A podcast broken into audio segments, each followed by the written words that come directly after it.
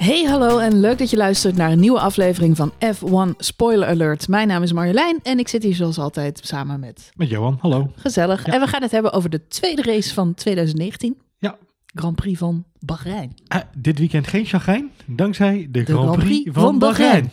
Nou, het was een eh, eventvolle race, kunnen we wel zeggen.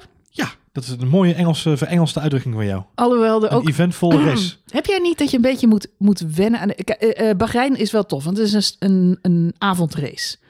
Zie. Dus ehm, eh, qua, qua beeld is het een spectaculaire race om te zien. Ik kreeg vroeger, toen ik, toen ik op de middelbare school zat, kreeg ik heel vaak de opmerking: waarom hou je van Formule 1? Dat Mensen was, snapt het niet. was vanwege de avondraces. Nee, dat was omdat, omdat iedereen, mensen die geen Formule 1 kijken, die snappen die sport niet, omdat ze vinden dat het saai is. Als je de tv aanzet, dan ziet elke race er hetzelfde uit. Je ziet een circuit en een baan en die autootjes en het rijdt maar wat. En iedereen zei, het is toch alleen maar spannend als er crashes gebeuren en dat soort type dingen. Weet je wel, het En- grootste deel van Nederland ook heeft met voetbal.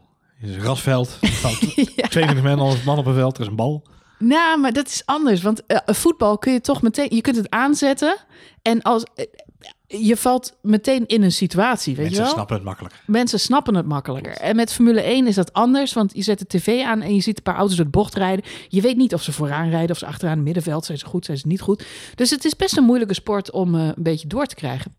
Maar gisteren, toen ik de Grand Prix van Bahrein zat te kijken, toen realiseerde ik me voor het eerst hoeveel er veranderd is eh, in de afgelopen twee, drie jaar, zeg maar. Ja, eigenlijk sinds Liberty Media het heeft overgenomen. Niet dat er ineens avondraces waren er natuurlijk al een tijdje, maar ze hebben die, die bodemplaten onder die auto's, waardoor je die vonkenregen Ja. krijgt. Nou, dat zagen we gisteren weer bij de start. Zag er natuurlijk spectaculair uit. Maar er zijn meer. Er zijn, we hadden het er ook over dat de, de auto's dichter bij elkaar rijden. Er zijn meer DRS-zones bijgekomen. Je ziet ineens veel vaker dat een coureur iemand inhaalt en dat hij meteen weer terug wordt gepakt. Daar hadden we het gisteren ook al over. Met andere woorden, er zijn echt best wel veel dingen gewijzigd in de afgelopen twee jaar in de Formule 1. Ik denk dat, dat er een heleboel moest gebeuren. Dus ik denk dat het niet zo heel erg is. Dat er zo vind je het leuk? Ik vind het, wel- ik vind het heel grappig om, ik hoor mensen om mij heen, eh, eh, niet in de laatste plaats jij. Eh, eh, naast me hoor ik soms klagen over dingen. Ja, ik- ja, maar als je dan zo lang volgt, dan is het soms ook wel eens moeilijk. Ja, maar het- het- je moet ook niet de puritein zijn, hè? Je moet ook gewoon een beetje Ja, naar de sport kijken het, en maar- kunnen genieten van dingen die er gebeuren. Ik vind de, de, de nieuwe vleugelsystemen die ervoor zorgen dat de, de gevechten intenser zijn, Ja. vind ik een meerwaarde. Zeker nu het hele middenveld wat dichter bij elkaar gekomen is. Eh, vind ik dat heel gaaf om te zien. Je ziet er ook gewoon veel meer nu eh, eh, ja, echt spannende situaties ontstaan. Gisteren was de wind een leuke factor, denk Ja. ik, wederom. Grappig is dat we vandaag, eh, of eh, eh, sorry, vandaag, dat we bij, de, bij deze race niks hebben meegekregen van de extra punten voor de snelste ronde. Want ja, daar was iedereen niet heel erg mee bezig gisteren. Nee, die deden er niet meer Gek genoeg. Ehm, nee, ik, vond, ik moet eerlijk zeggen, ik, vond het, ik, ik, vind, ik vind de wijzigingen die zoals ze er nu liggen wel prettig. Ehm, het maakt het voor de meeste mensen ook wat toegankelijker om te volgen. Eh het bandenreglement is wat makkelijker gemaakt. Eh, ik denk, ja, weet je, er zijn geen dingen waarvan ik zeg van, nou, dat vind ik Petty net heel slecht. Nee, nou, ik vraag het omdat ik bij Tijdenweide gisteren ook... Ik, ik vond het ook op onderdelen een hele saaie race. Dus Hmm. er zat met name het middenstuk. Toen moesten we op een gegeven moment nog 40 rondjes of zo. En toen dacht ik, nou, er gebeurt, eigenlijk is het wel... Maar ja, goed, dan ineens kwam, gingen er natuurlijk... Ja, het blijft een motorsport. Daar zullen we het straks uitgebreid nog over hebben. Ja, Dat, eh, ja maar, dit, is, dit, is, dit vind ik heel grappig, want je, je, je- ik, ik bemerkte jou, ik beproefde gisteren jou, jouw lichte frustratie. Heel klein beetje, was heel Ja, klein beetje op- op- tangible. Zeker aan het begin van het seizoen heb ik dat. Dan denk je, nou, ze komen uit die test. Wie heeft de beste auto? Eh, nou ja, de slotconclusie is natuurlijk van alle Max Verstappen fans op dit moment een beetje... we doen gewoon nog niet mee. Nee. De, de Red Bull is gewoon weer de derde auto. Ferrari en ehm, eh, Mercedes hebben de shit gewoon op orde. En Red Bull helaas nog niet. Sterker nog, de Red Bull moet best wel moeite doen om het achterveld een beetje op afstand te houden. Dus we zijn er niet eens echt op vooruit gegaan. Hmm. Nou, dus dat is een beetje de frustrerende conclusie van de eerste twee races. Nou, maar los daarvan, ik bedoel, even terug naar waar we het over hadden, namelijk Ja. inderdaad het feit, eh, het was een beetje saai. Dan denk ik, joh, we, we- we hebben de afgelopen vijf jaar naar gekeken. Er is al zoveel, stap voor stap. Het zijn elke keer hele kleine iteraties die er gebeuren, Ja. waardoor het spannender wordt. Ehm, en elke keer zeggen we, er zijn een heleboel dingen die zijn heel herkenbaar. En, Mhm. en we gaan dit seizoen weer meemaken. we hadden net voor de opnames de discussie over eh, een wereldkampioenschap. Hè? We zijn twee races onderweg en er wordt nu alweer geroepen. Pietje wordt eh, lachend wereldkampioen als, als de auto maar gewoon goed blijft. Ja, maar goed, vorig jaar was het Vettel. Want die had een zoveel snellere auto dan Hamilton. En ja, de eerste twee races had Hamilton inderdaad heel zwaar. Nou, we weten allemaal hoe Vettel eh, eh, Hamilton voorbij reed in België nog op het rechte stuk. Man, man, man, wat een overmacht had hij daar. En we weten allemaal hoe het seizoen is afgelopen. En datzelfde geldt nu weer. Dus we, aan de ene kant trappen we als fans allemaal in dezelfde valkuil. Namelijk heel snel die conclusies trekken en roepen, Mm. oh, het is toch weer een Mm. saaie race. En dan denk ik, ja, maar we hebben vorig jaar misschien wel van, van, de, van de 20 races hebben we misschien wel 15 of 14 best wel saaie, droge races gehad met een paar hele toffe we, zijn, momenten. we zijn ook verwend. Vorig jaar, eind van het seizoen, hebben we een Zeker, paar ja, echt eens. fantastische races. Fantastische races. Die zo ongelooflijk spannend Maar we waren. toch Omdat het vandaag heel hadden, close racing was. hadden toch dit weekend weer? Ja, nee, is ook zo. Het was, ook- het was ook een spannende race. Alleen, ja, god, eh, er zitten gewoon elementen in dat je denkt... eh, Deze race gaat de geschiedenisboeken in. Deze race gaat de geschiedenisboeken in. Dit is, een, dit is een race die je over 10 jaar of 20 jaar over het YouTube van die tijd terug ziet komen. En dan gaan we met z'n allen. Dan schrijft de Koen Vergeren van die tijd schrijft een column over de Grand Prix van deze tijd. En dan wordt dit, de- deze Grand Prix wordt er Ja, meegenomen als highlight. Het, er waren saaie rondes, maar het was geen saaie race. En eh, ik denk dat we sowieso als fans allemaal moeten concluderen dat het tijdperk Schumacher, vijf keer wereldkampioen achter elkaar, de meest saaie tijdperk van sport ooit is geweest. Moet ik eerlijk bekennen dat ik toen een paar races gemist heb, omdat ik eh, gewoon nu, er nu niet zo heel nu, veel nu meer aan hebben we. Mercedes vijf keer achter elkaar. Dus ja, wat, ja. Ja, dat klopt. Maar de, de- nou goed, eh, la- als we het dan hebben over veranderingen in de sport, dan moet ik toch ook wel toegeven dat een aantal veranderingen ten goede zijn. Ja. Omdat het allemaal wat dichter bij elkaar ligt. En daarnaast, ik bedoel, die auto's zijn gewoon heel anders. We hebben het in het vorige eh, seizoen van deze podcast een keer gehad over oude races terugkijken. Ik heb een keer de Grand Prix eh, uit 1998 van de, van de Nürburgring terug zitten kijken, waar ik zelf bij De was. Grand Prix van Europa? Ja? Grand Prix van Europa. Nee, maar ja, dan zie je ineens wat, wat een kartjes dat die auto's toen nog waren. En, en nu heb je inderdaad te maken met eh, ja, gewoon complete computers. Waar af en toe ook gewoon eh software-storingen in lijken te zijn. Waardoor die auto's ineens niet meer vooruit gaan. ja, nou ja, dat, dat is dus eh, de nieuwe technologie. Lang Ja. leven elektronica. Precies. En En- en- enerzijds zijn ze daardoor dus veel betrouwbaarder geworden. Eh, en, en kunnen ze meer, maar anderzijds... eh, ja. Anderzijds loop je het risico als coureur om geëlektrocuteerd te worden als je de auto Ja, ik stappen. net zeggen, er gebeuren, het brengt weer hele nieuwe problemen met zich mee. Dus goed, Eh, we kunnen concluderen dat het een spannende race was. Maar laten we even dan bij het begin beginnen. Leuk, begin. Het begin beginnen. Donderdagmiddag, waar was jij? Nou ja, zover wil ik niet teruggaan. Maar nee, laten we bij Ferrari en, eh, en Mercedes beginnen. ja, dat lijkt me heel logisch inderdaad. Want daar, daar, daar, daar gebeurde best veel. Want ik heb Mercedes eh, Ferrari zien inhalen en Ferraris Mercedes zien inhalen. Dus het- Mhm. je kunt wel stellen dat de teams aan elkaar gewaagd zijn.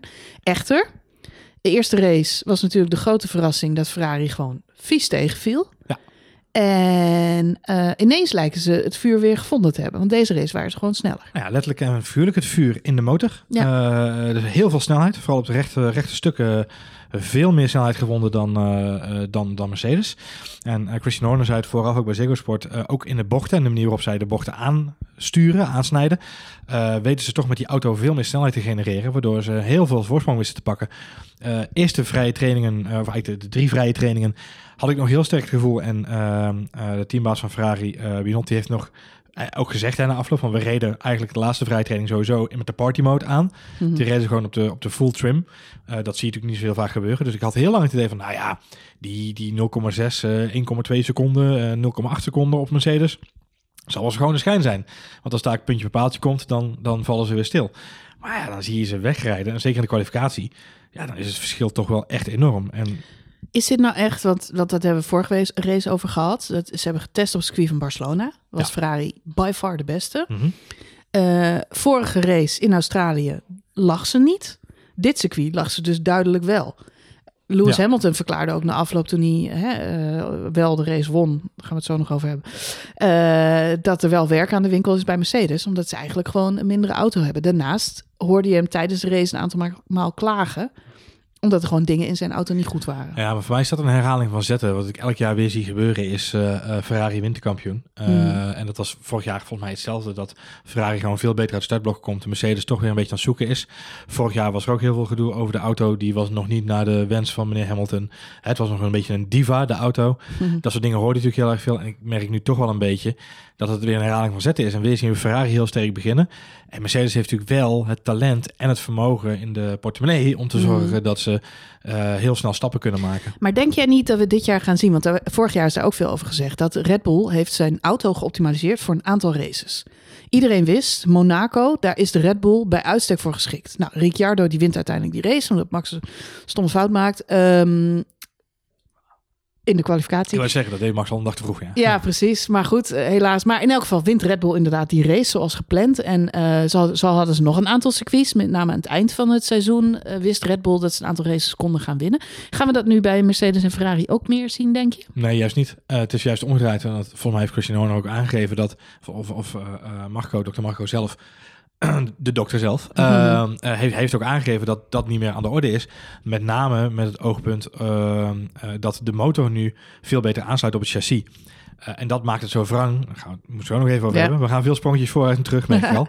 Eh, maar dat maakt ook zo wrang dat de auto dit weekend zo onbestuurbaar was voor Max. Ja. Eh, voor Gasly lijkt hij sowieso nog onbestuurbaar. Hm. Het lijkt wel of, of Gasly echt op zo'n rodeo-stier zit. Zo'n Red Bull rodeo-stier. Ehm, voor Max was hij echt onbestuurbaar. En dat maakt het zo wrang, want aan die motor ligt het nu niet. Aan de afstelling tussen chassis en motor ligt het nu ook niet. Maar het ligt hem dus nu echt gewoon aan de afstelling van de auto. Wat aan de ene kant een voordeel is, want dat betekent dat je dus niet meer hoeft te letten op eh, het aanpassen van de aerodynamica of de luchtinvoer. Vanwege de hoge luchtdruk of de lage luchtdruk of de temperaturen. Daar hebben ze nu veel minder naar te kijken. Dus juist voor Red Bull eh, is, de, is de samenwerking met Honda in, da- in dat opzicht een zegen. Dat ze nu juist op alle circuits zouden ze competitief kunnen zijn. Maar als je nu kijkt naar Mercedes en Ferrari, dan zie je wel duidelijk een verschil per circuit. Ja, maar dat zit hem dus voornamelijk in die nuances in de afstelling van de auto. En dat, dat is eigenlijk hetzelfde wat bij Red Bull Mhm. ook het verhaal is. Eh, waar mist de Red zou Bull... niet zo'n gro- groot verschil mogen maken. Nee, we moeten nog een keer, ik moet nog even erin duiken, want ik ben nog niet aan toegekomen om de, de auto's weer naast elkaar te zetten. Want vorig jaar... Ja, vorig jaar zijn van, van die coole infographics. En dan Juist. zie je alle auto's zo, zo'n dwarsdoorsnede. En dan zie je ze naast elkaar. En dan zie je bijvoorbeeld dat de Ferrari een heel stuk korter is. Dus zie je de lengte van de wielbasis, je ziet de lengte van de neus. eh, dus je kunt een beetje... En de, en de Red Bull zit daar dan precies tussenin of zo. Je En, zat daar toen ehm, precies tussenin. ja. Ik weet niet hoe het nu is. Als je ze nu bij elkaar ziet, dan zijn het eh, relatief allemaal dezelfde soort auto's. Er zijn natuurlijk wat veranderingen geweest in de reglementen daaromtrent. Dus ik weet niet precies hoe dat zich dat nu verhoudt. Maar wat je dus nu ziet, is dat, dat ehm, Ferrari weet op dit moment heel veel rechte lijnkracht, hè, heel veel torque, heel veel eh, gas te creëren op de, op de rechtstukken. mhm. Heel veel snelheid. Eh, daar laten Red Bull en Mercedes op nog liggen. Daar, daar verliezen ze het meest. Ja, alhoewel, ik ben dit week, nou, in, in die saaie rondes waar we het net over hadden, ben ik even in de app gedoken. En dan, eh, het is wel leuk, de Formule 1 heeft weer een nieuwe app gelanceerd. Vorig jaar was daar veel discussie over. Formule 1 heeft een hele tof, had een hele toffe app. Toen hebben ze op een gegeven moment een, een relaunch van die app gedaan. En eh, zagen de live timings er ineens helemaal anders uit. Tot grote woede van de fans. Toen hebben ze toen hebben ze de oude app weer tijdelijk even teruggebracht. Eh, maar nu is er dus een volledig nieuwe app. En ik moet zeggen, die ziet er goed uit. Daarin kun je opnieuw de rondetijden en de, eh, de, eh, ook de positie van de coureurs op de baan kun je live Klopt, eh, volgen. En je kunt ook de topsnelheid. Dus je kunt met een coureur meerijden en dan kun je Mhm. die topsnelheid zien. En terwijl je ook het stipje op de baan. Dus dan zie je iemand recht stuk opdraaien. En wat mij opviel, want ik heb even gekeken naar Gasly. ja, ook naar Gasly, maar ook naar Verstappen, naar Leclerc, naar Hamilton. Van wat, hoe de, die topsnelheid op dat lange rechtstuk, hoe Ja. ging die nou? Die waren echt behoorlijk aan elkaar gewaagd. Het zat niet zo, ze gingen 305 ongeveer op dat lange rechtstuk, maar dat haalde Max ook makkelijk met zijn Red Bull. Hmm. Dus het verschil zat niet zozeer meer in die topsnelheid. Dus het verhaal wat iedereen zegt, dat die Honda echt wel een goede motor heeft geleverd, maar dat het chassis deze keer het probleem is, dat klopt wel. Als, ik, als ik afga op die... eh, En die- chassis is een groot woord. Het gaat hem dus namelijk in de afstelling zitten en Ja. in details. Dus dat is, dat is denk ik een dingetje. Ehm, dus ik denk niet dat we bij Mercedes, even terug naar je vraag inderdaad, ik denk niet dat Mercedes en Ferrari heel erg gaan opti- niet meer of minder gaan optimaliseren Mm. dan dat ze al doen voor circuits. En ik denk dat Red Bull die nu juist eh, een beetje op datzelfde niveau kan mee opereren. En dat maakt het zo prettig voor ze, denk ik. Nou, ze hebben nog wel inhaalslag te maken. Maar goed, daar gaan we het zo nog over eh, hebben, Red Bull. Want ja, de Ferrari eh, is natuurlijk maar één eh, verhaal van de dag, waar iedereen het vandaag over had. Het verhaal van de week. Het verhaal van de week, ja. Charles Leclerc, die ehm, een fantastische kwalificatie reed. Ja. Eigenlijk al een heel goed weekend. Ehm, het verbaasde mij ook niet dat hij na afloop van de kwalificatie zei... ja, het was eigenlijk vorige race al de bedoeling. Alleen toen maakte ik een stomme fout. Ja. En ik moet heel eerlijk zeggen, dat, dat gevoel had ik ook de eerste race. Hij was zo verschrikkelijk snel, zo verschrikkelijk snel. Ja. En toen heeft hij zich een beetje misgerekend in die kwalificatie, toch ook? Nou ja, los daarvan. Kijk, hij had natuurlijk ook minder vermogen. Dus dat is gewoon, hij, had ook gewoon Ja. toen een mindere auto. Mercedes had daar gewoon de betere auto. Eh, dat hadden ze niet vanwege het feit dat Mercedes een betere auto had, maar dat, dat Ferrari gewoon een fout had van een probleem. Ja. Dus eh, hij had het willen hebben en dit was een mooie manier om te camoufleren dat er inderdaad een, een fout in het systeem zat. Ja, en, ver- en vergeet niet, want ik, ik, ik, ik wijd het niet volledig aan Leclerc, maar dat zeg jij ook elke keer, Ferrari is tactisch toch ook vaak het mindere team. Nee, het zit ze niet altijd mee. En ook dit weekend weer. Hè. Ehm, Vettel dit weekend, eh, volgens mij Q2, dat hij eh, het probleem had dat hij ehm, naar binnen ging. Eh, of nee, hij, heeft, hij was verkeerd naar buiten gestuurd. Sorry, hij heeft het verkeerd naar buiten gestuurd. waardoor hij in heel veel traffic zat. Nou, rondje banden aangort. Moest hij een setje extra softs voor, voor opofferen. Kwam ook voeterend, werd hij naar binnen gereden met... sorry, maar dit was echt de slechtste exit ooit. Dus kunnen we misschien een beetje beter doen. Ja, Ja. ze staan er onbekend. Vorig jaar hadden we dat incident met eh, dat het begon te regenen. En Ah, ja, eh, oh, hou op, scheid. Dus die, Maar het is, het, is, het, is, het is niet per definitie dat ze strategisch misschien heel slecht zijn, maar ze, ze hebben nog niet. Ik heb ze de afgelopen twee seizoenen nog niet. Ja, behalve dan die, die eerste race in Australië, die ze met een, met een eh, safety car undercut wisten te winnen. Maar ik heb ze niet op, op de afgelopen twee jaar dat ik denk van nou, dit zijn echte strategische overwinningen van. Nee, Ferrari maar nou ja, je, je- ik vergelijk het natuurlijk. Je, hebt je, je focust een beetje op Red Bull. En Red Bull is er erg sterk in. Dat zien we eh, vaak. Vorige race zagen we het met eh, Gasly, die eigenlijk een beetje kansloos achterin reed. Toen hebben ze precies zo getimed dat hij ging pitten op het moment dat hij voor een Toro Rosso op plek 10 weer terug de baan op kon komen. Klopt. Dus precies tot op de milliseconde uitgerekend dat het zo uitkomt. Eh, dus ja, dat kunnen zij. Dat, Ja, dat zitten daar rekenen en dat komt eruit. Maar dat is heel typisch. Natuurlijk, wie niet sterk is, moet slim zijn. Dus bij Ja. Red Bull is dat natuurlijk gewoon onderdeel van de.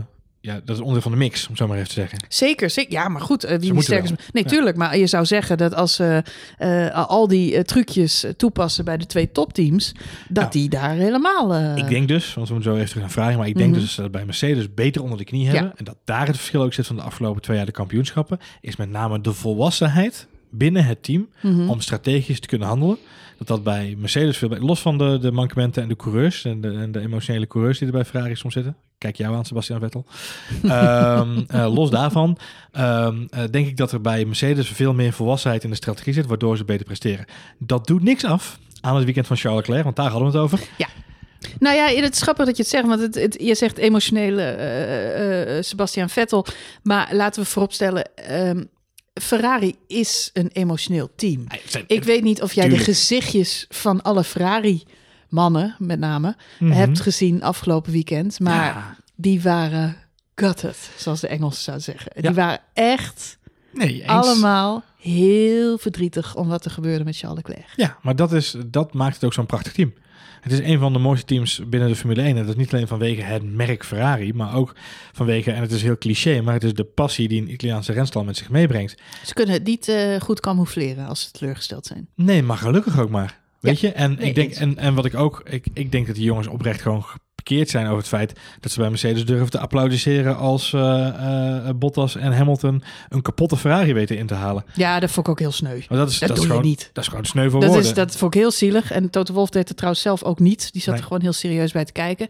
En het siert Lewis Hamilton dat hij natuurlijk ook reageerde zoals hij Ah, heeft dat, is, dat, is gereageerd. nog, dat is nog een debriefje geweest binnen het team hoor, van, eh, van Mercedes. Dat, daar hebben ze de monteurs nog wel aangesproken. Nee, ja, ik weet het niet. Je kunt het ook niet onderdrukken. Maar, ik bedoel, Maar goed, het, eh, mooiste, het mooiste van Ferrari is die passie. Ben ik Ja. helemaal met je eens. Ehm, en, en het is ook absoluut iets wat je eruit moet halen. Ik denk alleen dus als je die passie zou combineren met iets meer strategische volwassenheid. En daarom snap ik wel waarom ze met Arriva Benne niet verder wilden.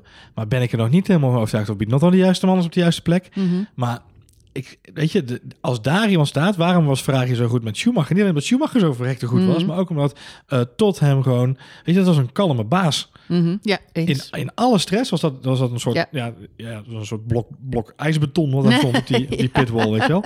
En je zag hem één keer boos worden. Dat is toen, toen Coulthard hem van achteraan... eh, eh, Schumacher werd boos. Nee, nee, eh tot nee, ook. tot greep in. Tot greep in. Ja, maar die, dan, dan had een soort van een versnelde pas. Dus dan weet je dat hij boos is. Hij ging sneller lopen.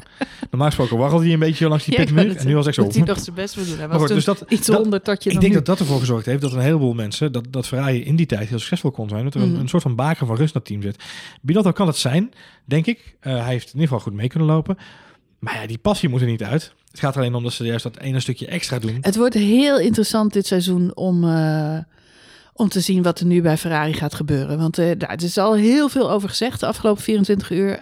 Charles Leclerc, fantastisch weekend. pole position, dik verdiend.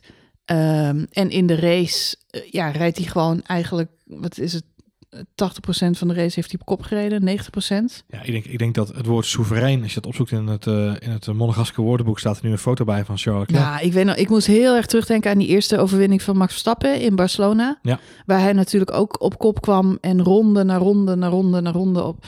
Toen dacht ik, ja, voor de Charles Leclerc-fans en voor Ferrari-fans moet dit dat moment zijn. Je ziet hem maar, je, eigenlijk zag je hem helemaal niet meer in beeld. Want hij reed daar maar en het ging allemaal goed. En eigenlijk gaat er nooit iets mis met de auto die op kop rijdt.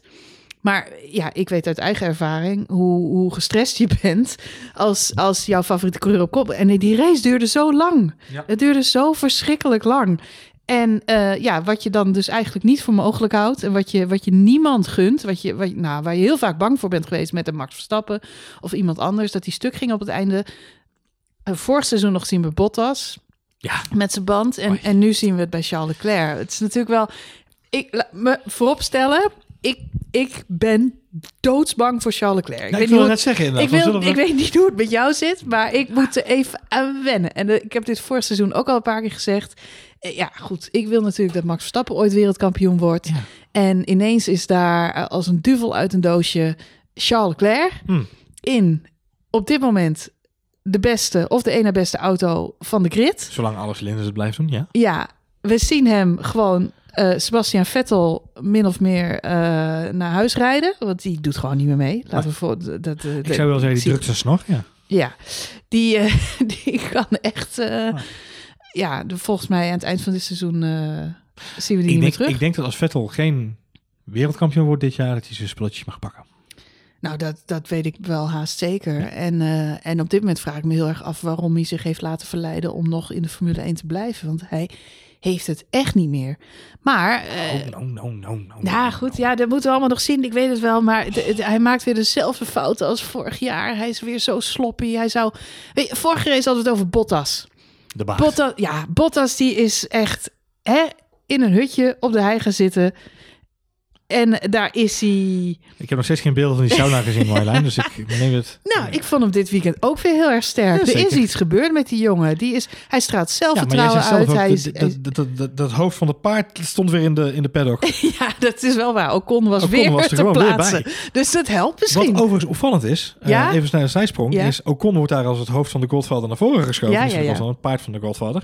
Maar deze week zijn er ook tests in Bahrein. En Ocon gaat niet rijden voor Mercedes. George Russell komt van Williams over om te rijden.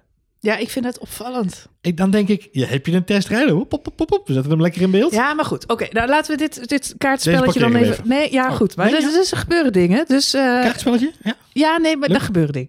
Eh, Charles Leclerc, die is gewoon verdomd goed. Dat, heeft, dat, dat, dat, dat Oh ja, zagen we sorry, we waren bezig met het behandelen van jouw primaire angst. Ja. Ah, Cha- die gaat, die, nou, ik, op dit moment hou ik er, dat hield ik na vorige race al, maar ik hou er sterk rekening mee dat die gast wereldkampioen gaat worden dit jaar. Nee. We Oh. kunnen dit fragment straks in de laatste podcast van het jaar Ja, nog een keer. Ja, Ja, ja, maar daarom doe ik het ook. Je moet, ik kan wel zeggen, ja, je hebt gelijk. Mm, Marjolein, gaat gebeuren. Nee, maar kom op. Ik wil. Vettel, Hamilton, we hebben het wel gezien, weet je wel. Het is tijd voor die nieuwe generatie. Daar hebben we het nu al een ja, aantal Formule 1 seizoenen op rij over. Wat ik heel zuur vind, is dat... ehm, ja, we, we hebben natuurlijk al drie jaar lang over Max Verstappen, het nieuwe talent, eh, de show van de Formule 1. Dat ziet het Formule 1 circus zelf ook. Want eh, je hebt die, dat openingsfilmpje van het seizoen. En dan de laatste coureurs die daarin voorkomen zijn Hamilton, Vettel, Max Verstappen. Dus hij, hij, hij staat gewoon bij die top Hij is een van de 4. drie. Ja, Hij is, ja, hij is een van de drie. De, en Liberty Media heeft daar ook op ingezet dat hij. hij, hij eh, nou, sport is veel geregisseerder geworden. Dus je hebt hoofdpersonages nodig die, die, eh, die een rol vervullen in het toneelstuk Formule 1. Nou, Max Verstappen zorgt altijd voor spanning en sensatie. Dus die rol is hem op het lijf geschreven. Eh, hij moet het de boel moeilijk gaan maken. Maar ineens is daar Charles Leclerc in een verdomd goede snelle auto. Nou, dan zie je dus dat Vettel gewoon langzaam is, fouten maakt, niet bij de les is, domme dingen doet. Ik begrijp uiteraard dat Charles Leclerc dit seizoen ook nog een paar van die stomme dingen gaat doen. Maar om heel eerlijk te zijn, maak ik me niet zo zorgen om de stomme dingen van Charles Leclerc. Want ik vond dat hij dit weekend een fantastisch stabiele indruk maakte. Mhm. In tegenstelling tot een Max Verstappen die behoorlijk emotioneel kan reageren. En dit weekend gewoon weer ook strontzagrijnig was. Terecht, overigens, terecht. Maar wel emotioneel. Eh, Charles Leclerc die laat zich zijn kop niet gek maken. Dat deed hij vorige race niet. Dat deed hij deze week weer niet. Ondanks eh, de, de, de, uit, of de, hè, de, de, de pech die hem overkwam dit weekend. Ehm, maar ik ben bang dat Charles Leclerc nog wel last gaat hebben van waar we het net over hadden. De politiek en de eh, strategie Ah. bij Ferrari. Dus dat is hetgeen wat ook dit seizoen weer roet in het eten zou kunnen Hashtag gooien. HBF. Het blijft Ferrari. Het blijft Ferrari. Maar ik, eh, ja, ik denk wel dat, dat dat zou zomaar het geval kunnen zijn. Wat duidelijk is, Mhm. daar moeten we het zeker even over hebben, is dat de pers vindt, Charles Leclerc is de nieuwe aanstaande wereldkampioen. Ja, ja, ja. De ja, nieuwe ja. posterboy. Nou ja, daar moeten we even aan wennen, wij eh Nederlandse Wij, fans. wij, wij is Koninklijk Meervoud, toch? Wij Nederlandse fans. Wij, wij Nederlands fans. Wij Ja? Oké. fans moeten Ja, even daar Ja, wennen. oké, daar even voor slikken. Maar goed, eh, nee, eh, ik, het is natuurlijk ook fijn. Wat het is ik- goed voor de sport en het is hartstikke tof dat er een nieuwe coureur zo'n eh furoren maakt. Wat ik opvallend vind, maar ik weet niet hoe jij dat ervaren hebt. Ik vind het, eh, jij zei al even dat Hamilton reageerde heel positief. Mhm. Ik vind het dus opvallend. Mhm, Echt opvallend. Hamilton reageert zo sportief direct na de race. mhm. Bottas reageert zo sportief na de race. Ja. Dus kudos aan het team van Mercedes. Sebastian Vettel heeft in de, op de boordradio al gelijk geïnformeerd na de race. Moest natuurlijk eerst excuses aanbieden vanwege zijn eigen foutje. Mhm. Eh, had die, eh, die eh, wind niet helemaal goed ingeschat daar in die bocht. Ehm, en ver- vervolgens ook direct eh, aan het team van... hey, eh, klopt het wat ik op de tv zie? Want dat zou heel zuur zijn voor, eh, voor Charles. Mhm. Ehm, ik vond het ook heel opvallend dat andere coureurs... en dan kijk ik met name even naar Romain Grosjean... ook Mhm. op socia- sociale media hun, hun liefde voor Charles aan het uiten waren. Ja, ik vind. Ik- Ik, eh, vond dat een beetje- Ja, ik vind het. Nou, ik, ik, ik zei gisteren na de race. Ik zeg, moet je je voorstellen dat eh, straks Charles Leclerc eh, gewoon vijf races op rij wint. En dat hij er ook eentje in zijn schoot geworpen krijgt. Omdat Hamilton eh, gaat iets mis met de auto. Gaat vast een keer gebeuren, ja. Dat hij na afloop van de race naar Lewis Hamilton rol, eh, toe loopt. Hem een schouderklopje geeft en zegt... Ach Lewis, kan gebeuren. Balen voor je man. Dat zou ik dus heel tof vinden. Dat zou ik dus echt heel tof vinden. Maar kom op, het ziet wel de wereldkampioen. Het ziet wel de persoon... Ja, maar denk je nou echt dat Charles Leclerc daarop zit te wachten? nee, Al natuurlijk die niet. Nee, maar reacties? niemand zit daarop te wachten. ik vind het een beetje kleinerend. Het is een beetje zo van, nou goed gedaan. Maar denk je dat ze dat vorig jaar bij Bottas deden met die band? Ja, die kreeg ook eens inderdaad wel een schouderklopje. Maar het is altijd, als je schouderklopjes krijgt, dan is het altijd een beetje, dan ben je altijd een beetje de schlemiel. Nou, kijk, En, ik- en Charles Leclerc die denkt bij zichzelf, ja, ja, oké, eh, wacht maar. Weet je over een paar races, als ik er zoveel gewonnen heb, ik denk niet dat hij... Daar is hij heeft niemand nog met mij te doen. Nee, hij is daar niet het type voor. Dat is één, denk ik. En, en ten tweede, ik denk in deze situatie dat eh, Hamilton volledig in de, in de clear was. Wat wel heel ongepast was, was Jack Die dat vond om dan even te benadrukken naar Charles Leclerc in een interview. Dat had moeten winnen. Daar zat hij denk ik niet op te wachten. Oh god, maar de, de interviews van Jack Ploy, daar wil ik het gewoon denk- van mijn leven niet denk, meer over ik hebben. dat, ik denk, niet om ik denk dat daar, eh, en ik denk dat als hij eh, van elke journalist, want het is los van, van eh, Jack Ploy, want dat zien we dan, hè, maar ik weet niet hoeveel andere journalisten dat nog gezegd hebben gisteren. Je verdient het op te winnen, je verdient het op te winnen. Ik denk dat je dan wel op een gegeven moment helemaal klaar mee bent. Ik denk, in, op het moment dat het gebeurde, eh, de, de geste van Lewis was misschien heel erg in, eh, ingestudeerd. Het zou me niet verbazen als hij dat heus wel op die manier heeft gedaan. Tegelijkertijd is het ook wel het type kerel die dat gewoon heel goed in de smiezen heeft en goed aanvoelt. Nou, de- en het Eh, is ook terecht. Het is, iedereen zat met die kater. En eh, Hamilton is zich als geen ander bewust van de kijkers thuis. Eh, de kijkers thuis hebben ook allemaal dit gevoel dat iemand eh, had moeten winnen. eh, en door materiaalpech eh, terugvalt. Charles Leclerc zei daar zelf heel eh, nuchter over. Ja, het is motorsport. Ja. Kan altijd iets gebeuren met je auto. Nou, dit is een typisch voorbeeld daarvan. Dat hoort gewoon bij de sport. Eh, maar Hamilton die heeft toch ook een soort... eh, eh, altijd de fans in zijn achterhoofd. Ja, En die realiseert zich meteen, ik moet daar iets over zeggen, want, want dat gevoel leeft en dat heeft hij goed ingeschat. Want ik denk dat het gros van de kijkers toch zoiets had van, ach, sneu, sneu dat hij het niet... Ik denk dat iedereen dat had en dat zie je ook in de cijfers. Hè. Vijf- 50% van de mensen heeft voor Charles Leclerc gisteren gestemd als driver of the day. Dus Ja. ik denk dat het heel logisch is. Ehm, wat ehm, eh, ik denk dat heel erg terecht is, is dat Hamilton dat doet. En ik denk dat het heel erg goed is als je Charles Leclerc heet en de vijfvoudig wereldkampioen doet dat tegen je. Eh, en ook Vettel die, die over de boordradio zijn steun voor je uitspreekt. Ik denk dat dat toch wel een soort van steuntje in de rug is. Ja, maar ik denk ook dat het twee senioren zijn die, ja, in uh, eigenlijk uh, ook wel merken dat er hard aan hun stoelpoten gezaagd wordt, toch? Ja, maar nogmaals, dat staat los van... van nee, is ook zo, is ook zo, maar goed. Ja, die... dat weet ik. Maar je zegt dat ook een beetje omdat je nee, natuurlijk ik denk, wel... ik denk oprecht gisteren de beide, uh, wat ik zeg, ik vind het opvallend dat inderdaad daar achteraf nog een Grosjean achteraan komt en dat het nog tot in een treur wordt uitgemeten op, op andere kanalen, dan dat ik het heel erg opvallend vind dat Vettel en Hamilton dat doen. dit vond ik gewoon heel, heel, heel maar wonderswaardig. gaat hij winnen in China? Nou ja, dat is de vraag. Uh, overigens, uh, even dit rondje even mhm. afmakende, vond ik mhm. het wel heel leuk als je het hebt over terugkijken en, en boordradio's. Leclerc was heel volwassen in zijn boordradio, hè? ook Mhm. in de communicatie met zijn team. Aan het einde van de race was hij ook super teleurgesteld, maar gaf hij ook heel netjes feedback aan het team. Jongens, bedankt en we gaan er hard voor werken. En het heeft vandaag niet zo mogen zijn. En gelukkig hadden we de safety car en hij bleef heel rustig en kalm. Ja. Wat natuurlijk iedereen al zei van heel... Uh, heel mooi en volwassen. Wat we, Ja. wat we in de uitzending niet hoorden. Maar wat wel later op uh, social media verschenen in de boordradio. Is dat hij die boordradio die dat iets eerder afgeknipt. Wat hij namelijk nog erachteraan vroeg. Uh, jongens, even één dingetje. Wat moet ik nu doen? Moet ik nu naar de grid? Want ik ben hier nog nooit geweest. Oh, echt? En Oh, dat wat vond ik zo schattig. Dat vond ik zo schattig. Dat, Oh, dat, is toch wel weer mooi. Moet ik nu naar de grid, jongens? Want uh, ik heb dit nooit eerder gedaan. Wat nu? Oh, dat is zoet. Dus dat was de afsluiter van, uh, van Charles Leclerc. Mooi, mooi. Onderaan de Eh, streep, uh, super zuur. Ja. Op naar China voor hem. En ik, als de auto presteert zoals dit weekend, en dat is een hele grote als, uh, of een hele grote if. Als heeft nu zegt. natuurlijk, ik denk dat hij er ook zo goed mee om kon gaan, omdat hij gerealiseerd dat het seizoen nog lang is. En dat het nu het hem eigenlijk al best makkelijk afgaat om te komen waar hij was. Hij had bijna pole position al in de eerste race van het jaar. Eh, de, tenminste, in de eerste twee kwalificaties eh, reed hij ontzettend eh, hard. Had hij al de, kwalifica- de, of de pole position misschien willen pakken. Ja. Meteen de eerste race. Nou, de tweede race lukt hem dat ook. Overwinning ja, schiet hem dan eigenlijk... Ik denk, ik denk eh, het belangrijkste is dat Charles Leclerc op dit moment nog geen druk voelt van buitenaf. En dat, dat wordt na elke wedstrijd dat hij zo gaat rijden, wordt dat, wordt dat Ja. zwaarder. Dus hij heeft tot nu toe heeft hij, iedereen kijkt natuurlijk al naar hem. En iedereen zegt, oh Charles Leclerc bij Ferrari, en wat gaat het dan niet Ja. brengen? Maar iedereen is, een beetje zoals ik ook in mijn benadering ben van de situatie, is... Ach, superleuk zo'n jochie. Eh, en met alle respect jochie. Ehm, maar laat hem eerst maar eens even wennen aan die auto. En hij zit bij een ervaren coureur. En hij zal heus nog een hele politiek op zijn oren heen krijgen. mhm. Dus iedereen, als hij zeg maar de eerste vijf races elke keer vijfde of vierde was geworden, had er ook niemand van opgekeken, snap je? Nee. Eh, dus wat hij voor zichzelf aan het creëren is nu, is wel die spanning. Dat doet hij voor Ja. zichzelf met zijn goede prestaties. Dus die zal hij meenemen naar China toe. Dat, dat gaat hij nu wel voor zichzelf creëren. Ehm, het andere wat gewoon heel eh, spannend is, is los van zijn prestaties zelf, is de prestatie van het team en dan met name de eh, hardware. Het feit dat er een, een, een cilinder uitvalt in de, in de motor is een stukje heftiger dan een los onderdeel. Hè? Bij Ja. ehm, Ricciardo, nee sorry, bij, ja wel bij Ricciardo en bij ehm eh, andere coureur dit weekend. Oh. eh, nee, Hulkenberg was het wel echt ook een motorprobleem. Eh, maar bij Ricciardo was het ook weer het hybride stuk, hè? het elektrische gedeelte van, Mhm, de, mhm. van de auto. Ehm, kijk, dat zijn losse componenten. Daar kun je wat makkelijker dan een beetje nog mee naar kijken. Maar als echt een cilinder ophoudt met functioneren in een motor, Mhm.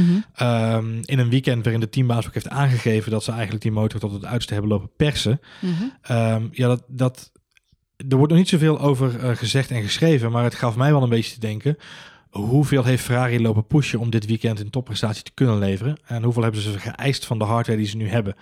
Ehm, en, en gaan ze in China, meeste, meeste fabrikanten komen ook in China weer met kleine updates. Eh, gaan ze daar dan met genoeg updates komen om op een normale manier met die motor om te gaan? Want ik vermoed, als ik het zo inschat, eh, dat ze die auto echt wel flink over de kling hebben geholpen. Eh, in de kwalificaties en in de vrije trainingen om te zorgen dat ze het maximaal eruit konden halen. Als ze dat in China weer moeten doen, ja, dan krijg je eigenlijk hetzelfde risico Ja. weer. Ehm, dus als dat het verhaal is, ja, dan, dan hebben we toch wel, dan hebben ze bij Ferrari echt wel een dingetje. Ja, klopt. En het werd dit weekend volgens mij ook in de analyse bij Ziggo op zeker moment al gezegd. eh, wat we ook nog allemaal moeten gaan zien is hoe Charles Leclerc bijvoorbeeld zijn banden man- managt. Eh, Ja, brandstof was nu een dingetje. hè? brandstof was een Gaf, dingetje. gaf hij zelf ook aan. Als, we, als er geen safety car was geweest, had ik nog een probleem gehad met mijn brandstof. Nou ja, kun je nagaan. Dus eh, al met al is het al eh, knap dat hij eh, is blijven rijden. Ja. Safety car kwam natuurlijk voor hem precies op het juiste moment. Ja, dankjewel Renault. Dankjewel Renault. Ik heb eh, nog even in mijn hoofd eh, een milliseconde gedacht aan eh, opzet in het spel. Max Ja. Verstappen mag niet op het podium. Maar goed, zo erg. ze- Ricciardo dacht, wacht, daar staat Hulkenberg, ik zet hem naast. Ja, precies. Ik helaas. zet hem gewoon neer. Maar goed, dat, Max die heeft zelf na afloop ook gezegd dat hij helemaal eh, niet verdiende om op het podium te staan. Dus daar Nee. maalde hij ook niet om. En volgens mij derde of vierde maalt hij sowieso niet om. Behalve dat een podium altijd even gezellig is, maar niet in dit geval. En zeker Nee. niet ten koste van, eh, ja, de gevierde man die toch eh, Charles Leclerc heette dit Ja, weekend. ik denk, ik denk dat er geen. eh, dit, dit weekend kende dan wel op papier een winnaar, maar het kende eigenlijk geen winnaars eh, Nee. onderaan de streep. Voor het kampioenschap wel leuk natuurlijk. Ja, want wie is de leider in het kampioenschap? En Valtteri Bottas. Valtteri Bottas. Ja, dat ene puntje verschil wat hij heeft gehaald, dus die snelle ronde in Australië, die had hij nodig. Dat is nu het puntje voorsprong wat hij natuurlijk heeft op Lewis. Ehm, ja, eh, weet je, superleuk. Eh Max Verstappen daar eh, alweer op een behoorlijke afstand achter. En dan volgens mij ook op één puntje achter Max alweer eh, Leclerc nu. Ehm, Vettel zien we dan daaronder pas weer. Ja, die heeft echt een dramatische start. Maar goed, wie weet kan dat nog weer goed komen. Maar ik ben wel heel benieuwd wat Vettel... De... Ja, ik, vind, ik, ik heb net ook al gezegd, maar deze sport... Het is ook een mentale sport.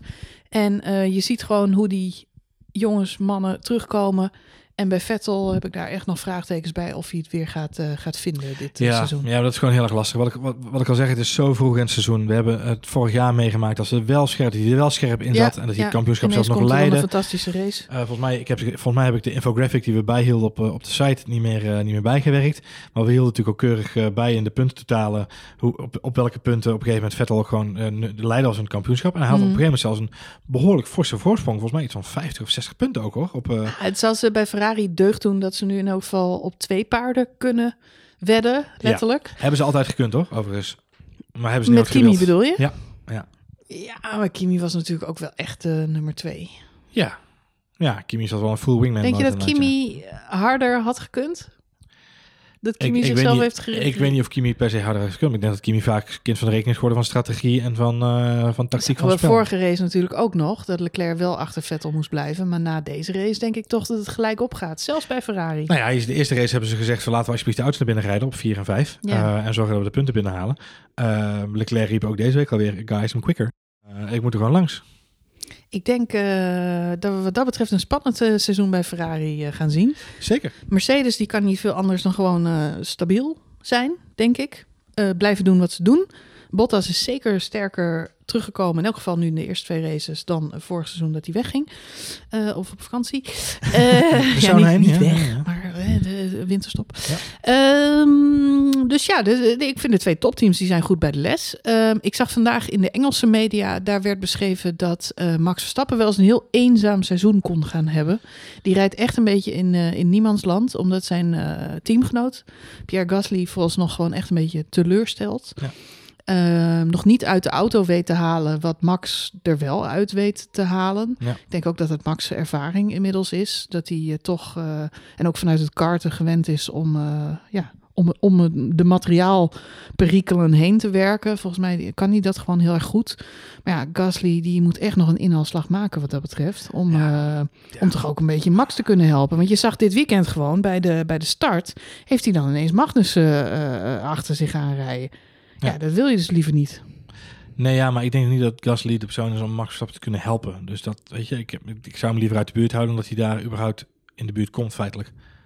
Het is, het is niet de meest getalenteerde coureur om, eh, om, om op dat niveau mee te kunnen verdedigen. Kijk, bij Ricardo en Verstappen, Mhm. dat waren twee like minds in een, eh, hè, dat waren twee racers Ja. in een team. Eh, bij Gasly heb ik nu heel sterk het idee dat hij aan het oefenen is met, eh, oh kijk, een echte auto. Zo werkt het dus. Ja, ja, Ehm, ja. En als ik hem ook zie rondrijden in het achterveld, eh, hij moet het gevecht aan met Albon, een debutant, hè? Laten we Mhm, niet vergissen. mhm. Albon is op dit moment sneller dan, dan ehm, eh, Gasly in een Red Bull. De Toro Rosso is sneller Ja, dan de Red ook Bull. dat, we hebben het net over Ferrari en Mercedes. Ja. Vettel heeft een betere teamgenoot teruggekregen dan wat hij vorig jaar had. Ja. En Hamilton heeft in wezen ook tot nu toe een betere teamgenoot teruggekregen dan dat Ja, hij de, vorig jaar de had. tweelingbroer van Bottas is gekomen, ja. Ja, nee, maar dat doet dus iets voor de prestaties Van van, het team. van Ja. het team. En van, die, van die hoofdcoureur, zullen we maar even zeggen. In het geval van Ferrari blijkt dat Vettel niet thuis is, maar de nummer twee.